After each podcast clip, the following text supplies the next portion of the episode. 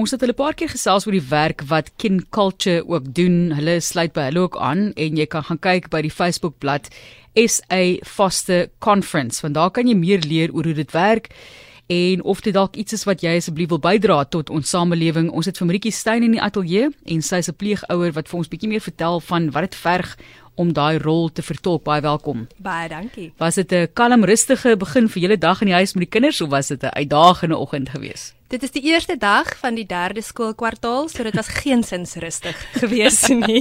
ja, aan die een kant, jy is mos baie lief vir jou kinders, maar ek het so baie van die ouers wat sê, jy dink ek is al dankbaar hulle gaan terug skool ja, ja, toe. Kan ek, ja, dan is dit tyd vir ander dinge ook so. Hoe lyk julle familie? Ons het al so 'n bietjie gesels, maar vertel vir ons van julle gesin. Ja. So ek en my man Neil is nou so net meer as 10 jaar getroud. En ons het drie kinders. Ons uh, oudste seentjie is 5 en 'n half, Isak. En dan het ons Mira, sy is in pleegsorg by ons. Sy is nou so amper 5. Hulle is in dieselfde jaar gebore. En Imri ons baba, sy Mooi. is 3. So hulle is nou 3, 4 en 5. Hoekom die besluit om te pleegsorg? Mens kan seker baie antwoorde daar gee. Ek dink ons reis het begin. My man werk vir 'n organisasie wat vir jong mense ouer as 18 aan um, behuising gee. En tipies kom daai kinders uit kinderreise uit. Hulle kom uit sorgstelsels uit. En elkeen van daai jong mense sal sê as hulle maar net 'n gesin gehad het. So ons ons sien die paadjie nadat kinders uit 'n kinderreis uitkom en ons sien waar daai kinders jong mense opeindig. En alhoewel kinderreise wonderlike werk doen, kan hulle nie die rol van 'n gesin vervang nie. En en die draaipunt vir ons was uh, my man het eendag met 'n jong seun gepraat wat daar in een van hulle huise bly en en die ouetjie het hom gesê jy's Neil ek dink nie ek gaan ooit wil kinders hê nie. En mens verwag so half dat dit gaan wees omdat hy swaar gekry het, omdat hy in 'n kinderhuis groot geraak het. En toe Neil hom vra hoekom toe sê hy nee, hy het net besef dat as hy eendag ooit wil kinders hê, sal hy hulle wil aanneem of in pleegsorg neem want hy wil nie hê nog kinders moet in kinderhuise hoef groot te word as gesinne hulle kan hê nie. En Sjoe. toe moes ons onsself vra. Isak was op daai stadium 1 en dan vra mense mos nou wanneer kom die volgende een en ons moes vra hoe gaan daai volgende een lyk. Like? En so het Mira um, oor ons pad gekom via Kin Culture. Hulle was ongelooflik in dit gewees.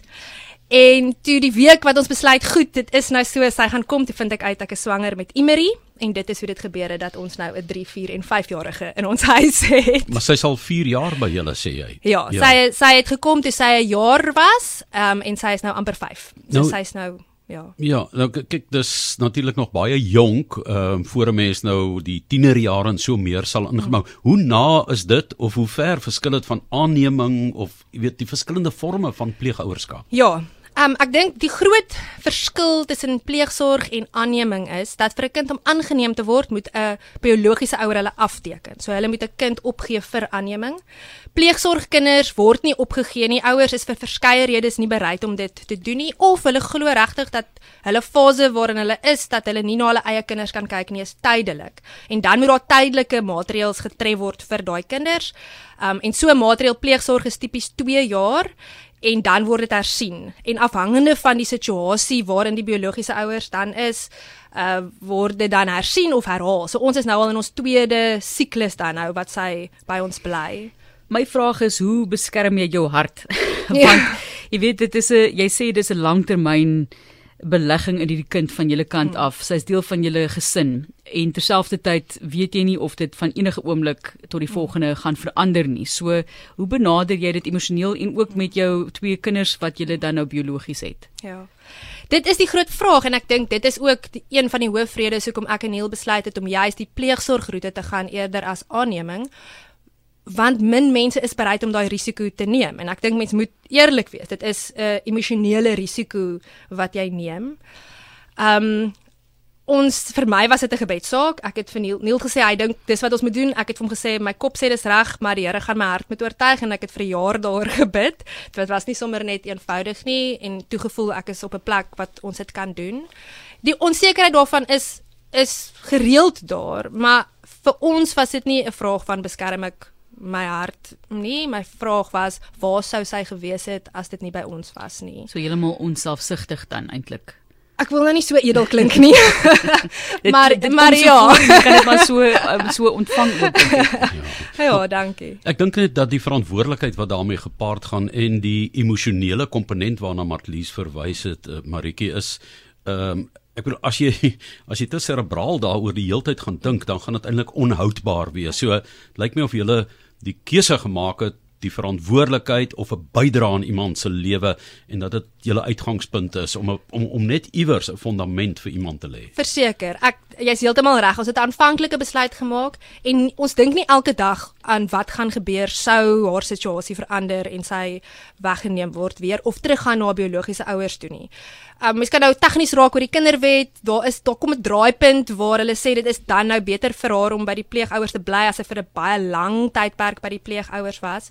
Maar ons weet ook dat sou daar iets gebeur dat ons storie verander, dat haar storie verander, dan gaan ons dan gaan dit buite ons beheer wees. Dan kan ons niks daaraan doen, maar wat binne ons beheer is, is wat ons nou doen saam met haar in hierdie reis vir ons. Is saam met ons ander twee kinders wat hulle dit was nou skoolvakansie vir 3 weke. Hulle het heerlik saam gespeel. So dis ook goed vir hulle. Ehm um, en en vir ons as 'n gesin verseker ook. Julle het 'n uh, goeie CV wil ek amper sê Neil met die werk wat hy doen en met die tipe mense met wie hy werk, um, wat baie keer uitgelewer is. So julle harte is op die regte plek en so maar hoe word kering gedoen vir pleegsorg want ek meen dit kan ook baie gevaarlik wees as mense om verkeerde redes, jy weet, by kinders betrokke raak. Daar is ongelooflike ja. hoeveelheid rooi ligte wat ook kan aangaan. Vertel ons van daardie ja. proses en en hoe julle sin gewerk het. Ja. Die die die detail van die keringsproses dink ek verskil ook en in daai opsig was King Culture ongelooflik behulpsaam om ons deur daai proses te help. Um ons het geweet hierdie is in beginsel wat ons wil doen, maar selfs uit um die werk wat ek doen en die werk wat hy doen was ons nie bemagtig om presies die detail daarvan te te ken en te verstaan nie.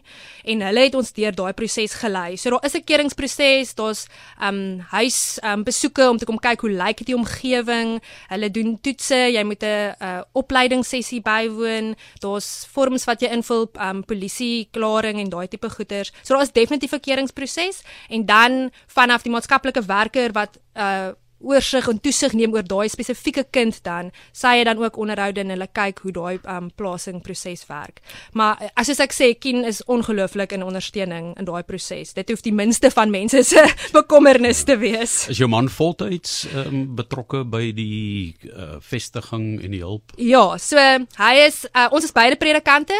Hy um sy rol en taak as predikant is in die um omgewing gemeenskap. So hy is die uitvoerende bestuurder van die organisasie Isibindi Initiatives en hulle het huise in in die Kaap 5 of 6 nou al dink ek wat hierdie huise gee vir jong mense tussen 18 en 25 omdat die staat nie daai ouderdomsgroep subsidieer nie. Maar julle is predikante, julle hoef dit nie self te doen nie. Julle moet net preek vir die mense om dit te doen. Julle die Dis wat ek nou hier doen.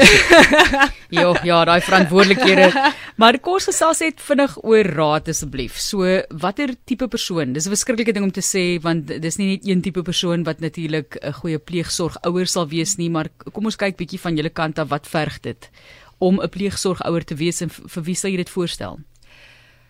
Kyk, ek soos ek gesê het, elke storie verskil. Uit my persoonlike hoedanigheid sal ek sê dat 95% van wat dit van my verg om vir my pleegsorgkind te sorg en wat dit vir my verg om my biologiese kinders te versorg is presies dieselfde. As jy kan sien vir vir ouer wees vir 'n kind, dan is jy geskik. Dan daai ekstra uitdagings is nie so groot en so seer nie, maar dit dit verskil van kind tot kind. Ehm um, en natuurlik mense weet nie wat hulle biologiese agtergrond is nie. Jy weet nie ehm um, watter uitskieters daar gaan wees in hulle lewe nie, maar jy weet dit ook nie van jou biologiese kinders nie. so daai verskonings wil ek amper sê is ons nou in 'n posisie om te kan sê, weet jy, my pleegsorgkind het uitdagings, maar my biologiese kinders het ook my uitdagings.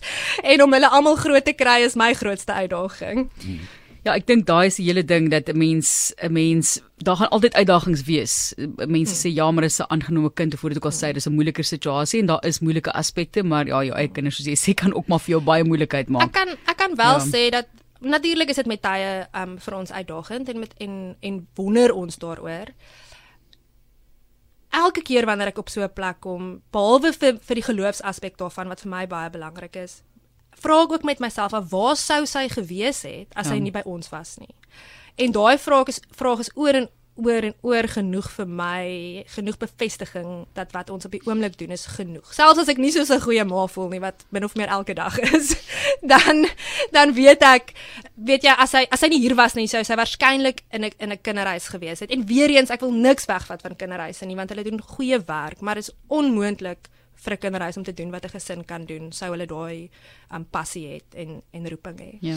Julle gaan nou die 20ste Augustus 'n konferensie hê waar nou juis hierdie tipe van besprekings op die watse tipe onderwerpe word dan daar bespreek. Ja, so hierdie konferensie dink ek is 'n ideale geleentheid vir mense wat um vra het wat wonder tipies die vrae wat julle nou gevra het. Hoe lyk dit in in werklikheid? Wat is die prosesse? Waardeur moet ons gaan? Wat is die impak op kinders? Hoe lyk die landskap in Suid-Afrika? Al daai en sprekers van um DSD Department Social Development wat baie daarmee te doen het, um sielkundiges, mense wat in die pleegsorgveld is, um gaan gaan daar praat en ek dink as jy as dit iets is wat jy in belang stel of as jy miskien 'n 'n kerkleier of 'n geloofsleier of 'n gemeenskapsleier is en jy voel jy wil jou groep mense bemagtig om te sê kom ons kyk of ons nie iets kan doen aan hierdie saak van kinders um wat weggegooi word wat um nie mooi na gekyk word nie. Kom ons kyk of ons mekaar kan bemagtig oor hoe ons hierdie situasie kan help in Suid-Afrika. Maritjie die arbeidswet as 'n mens gaan kyk byvoorbeeld daarna en die druk van uh ehm um, arbeid, jy weet op die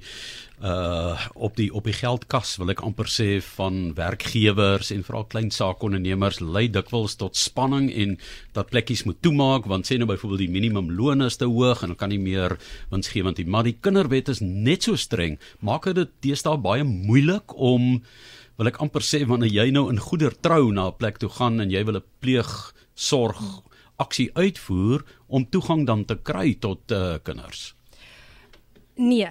Uh, nee, dit is eintlik nie so moeilik nie. Die kinderwet is streng en dit is vir goeie redes streng, maar as jy ehm um, saam met 'n organisasie werk, maatskaplike werkers werk wat weet wat hulle doen, dan is dit nie so kompleks nie. Persoonlik het vriende van ons nou hulle derde kind in in pleegsorg geneem en die hele proses vandat hulle gesê het dat hulle die kind wil in 'n kind in pleegsorg neem totdat die kind fisies by hulle huis was, dink ek was tussen 3 en 4 maande gewees. Sjoe. So dis daar's kinders wat wag en en ons as gesinne sê ons wil dit graag doen, dan is die proses uh belangrik maar nie onmoontlik om verby te kom nie. Dit is ook nou mooi wat jy sê jy het vriende wat ook pleegsorgouers is. So daardie tipe van ondersteuning is seker ook baie belangrik. Ek meen jy jy kan dit doen sonder dit want daar is die ken ke ouens wat ook betrokke is wat kan help, maar dit is fantasties as jy omring is deur mense wat dalk dieselfde uh, kan ek sê aksie neem om te help in die gemeenskap. Verseker, vir ons as ouers, maar ook vir ons kinders om te sien dat daar's ander gesinne wat lyk like soos ons. Ons is 'n gemengde gesin in terme van ras en hier is hierdie vriende van ons, hulle is ook 'n gemengde gesin en ons is nie alleen in hierdie storie nie, want ons kan nou nog 'n hele verder onderhoud oor daardie komplekse kompleksiteit hê. Ja. Ehm um, wat wat belangrik is. Ja, ons kan nie want ons tyd is verstreke. Maar ons sê vir julle dankie, dankie vir die inspirasie en ek hoop daar's 'n hele klomp mense wat nou tans luister wat al vir lank daaroor dink mm. en dalk vir jou wil kontak of dan ook vir Ken Culture liewer wil kontak. Jy kan uitkyk vir hulle. Jy kan vir my e-pos ook stuur bring by rsg.co.za en ek kan hierdie e-posadres vir jou aangee, maar dis kobe@kenculture.org. Indien jy hulp benodig en jy verder wil kyk, jy kan ook op Facebook gaan kyk by SA Foster Conference. Daar's al die besonderhede indien jy meer wil weet. Ons sê baie dankie vir mense soos Maritjie Steyn, haar gesin, vriende ook wat dieselfde werk doen as pleegouers nou al 4 jaar met hulle klein dogtertjie in die huis. Ons sê vir julle baie sterkte met daai uitdagings en weer eens baie dankie. Baie dankie vir julle, ek waardeer dit.